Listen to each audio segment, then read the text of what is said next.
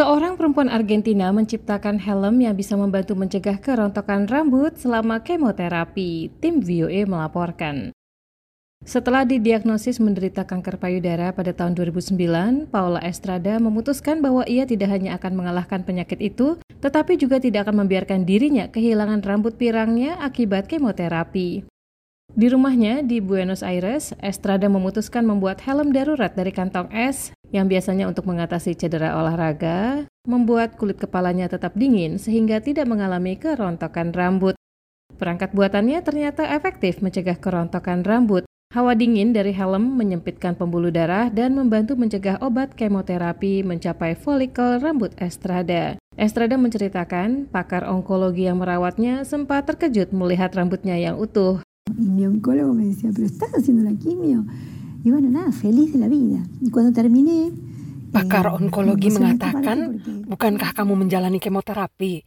Saya sangat senang, tapi saya tidak ingin tinggal diam. Saya ingin semua orang memiliki kesempatan untuk tidak kehilangan rambut, seperti yang saya alami. Lebih dari satu dekade kemudian, versi helm Estrada telah membantu sekitar 60 ribu pasien kanker di Argentina serta Chili, Meksiko, Spanyol, dan Amerika Serikat.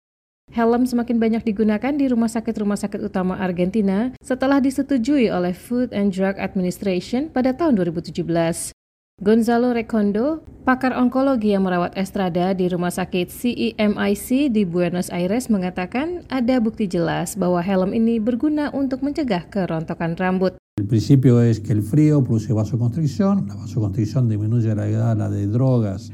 Suhu dingin dari helm menciptakan penyempitan pembuluh darah atau vasokonstriksi. Vasokonstriksi menurunkan jumlah obat yang sampai ke folikel rambut dan membantu mencegah kerontokan rambut. Helm harus digunakan sejak sesi pertama kemo dan harus berada pada kondisi suhu minus 20 derajat Celcius dan diganti setiap 30 menit. Estrada menulis buku tentang pengalamannya itu dan kini sering diundang sebagai pembicara pada acara-acara membangkitkan motivasi. Setiap harinya ia menghabiskan berjam-jam menanggapi pesan dari orang-orang yang membutuhkan saran untuk menggunakan helm hasil inovasinya.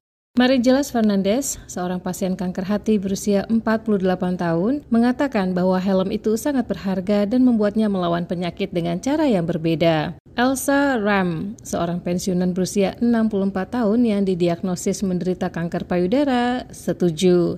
Yo creo que fue la clave para el estado de ánimo mío.